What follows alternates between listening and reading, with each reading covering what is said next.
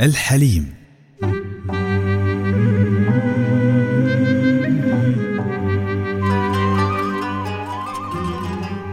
تستوي لنا أمور كثيرة في حياتنا. تستوي لنا أشياء حلوة ننسى نشكر الله سبحانه.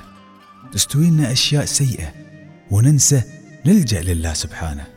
رغم هذا الله سبحانه يصبر علينا. ويصبر ويصبر ويصبر. لأن من صفات الله سبحانه وتعالى الحليم. حليم بعباده يحبنا يرحمنا ويصبر علينا. سبحان الله الحليم. نعصى فيصبر علينا عشان نتوب ونرجع له. سبحانك يا حليم. الحليم.